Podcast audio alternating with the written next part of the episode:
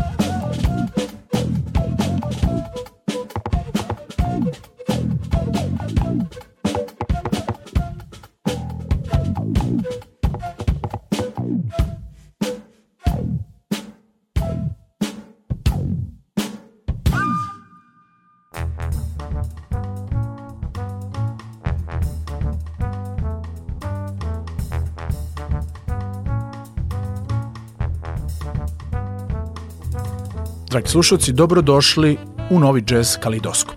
Kao što ste već mogli čuti u uvodnoj numeri, danas će vreme do 23 časa proteći obojeno zvukom Balkana i to sa dva sjajna albuma. U prvom delu emisije slušat ćemo album naziva Longing iz 2022. godine koji nam donosi Teodosi Spasov No Keys Trio, novi projekat jednog od najpoznatijih virtuoza na kavalu Teodosi Spasova. Drugi deo jazz kalidoskopa je rezervisan za predstavljanje našeg pijanisti i kompozitora Tihomira Stojikovića muzikom sa njegova prethodna dva solo albuma. Čuli smo upravo kompoziciju The Lost Whales, izgubljeni kitovi bugarskog trija, a sad slede Dandelion, odnosno maslačak, a potom We Are Water, Mi smo voda. Slušamo Teodosis Pasov Nokis Trio godina 2022.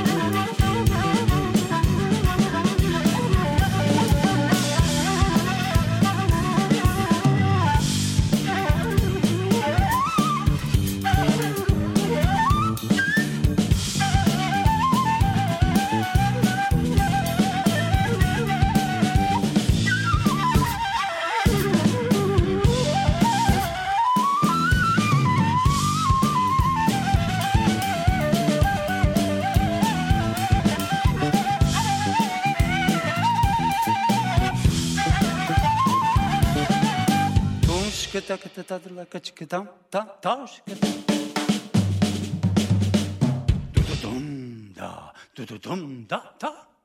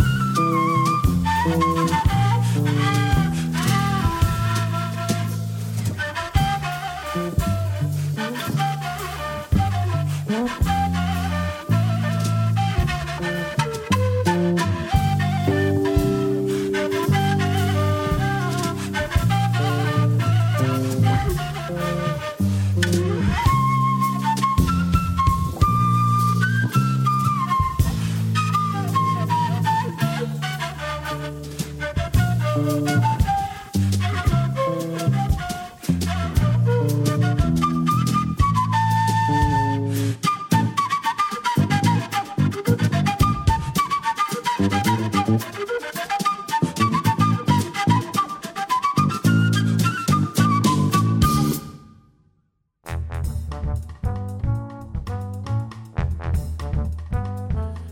sam naziv sastava Teodosis Pasov No Keys Trio govori da u njemu nema klavijatura, klavira, harmonike, dakle nikakvog instrumenta sa klavirskim dirkama.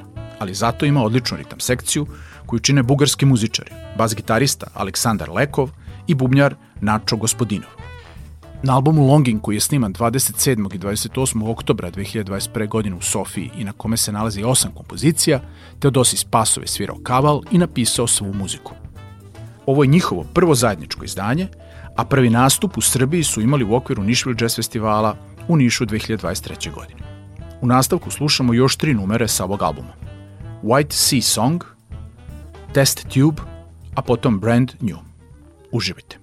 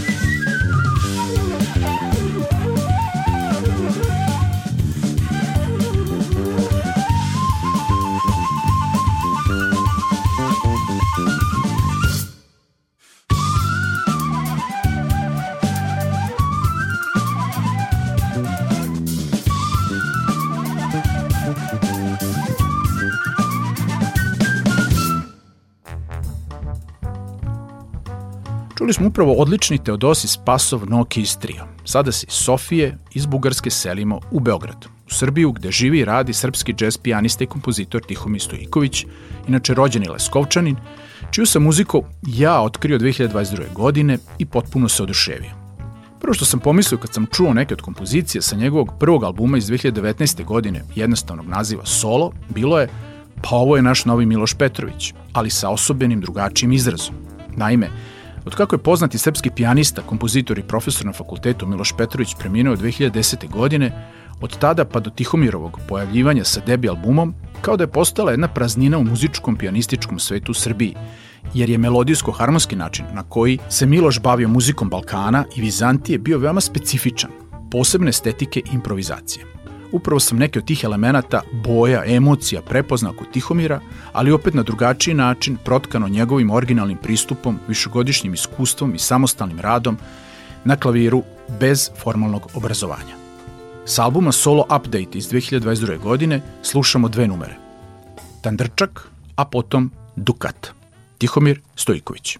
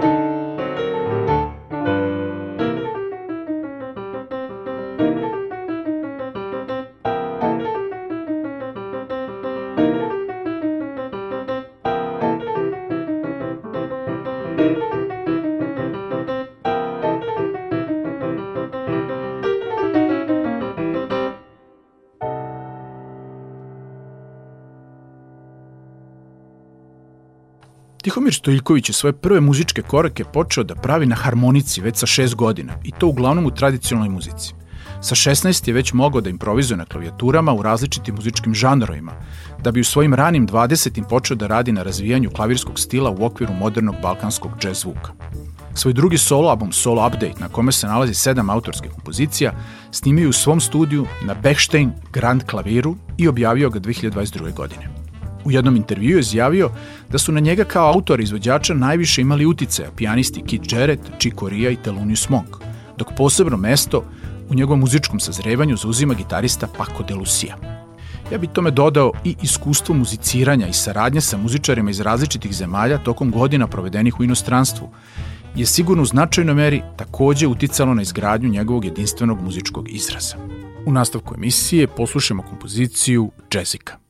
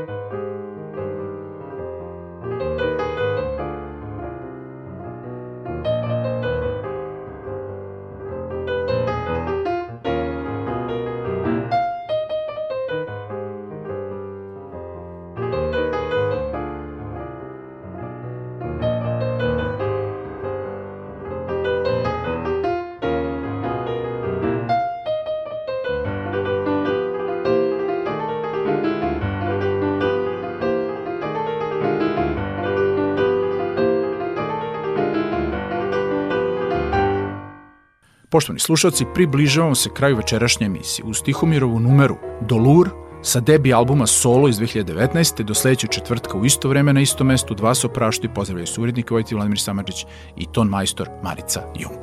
Prijetno.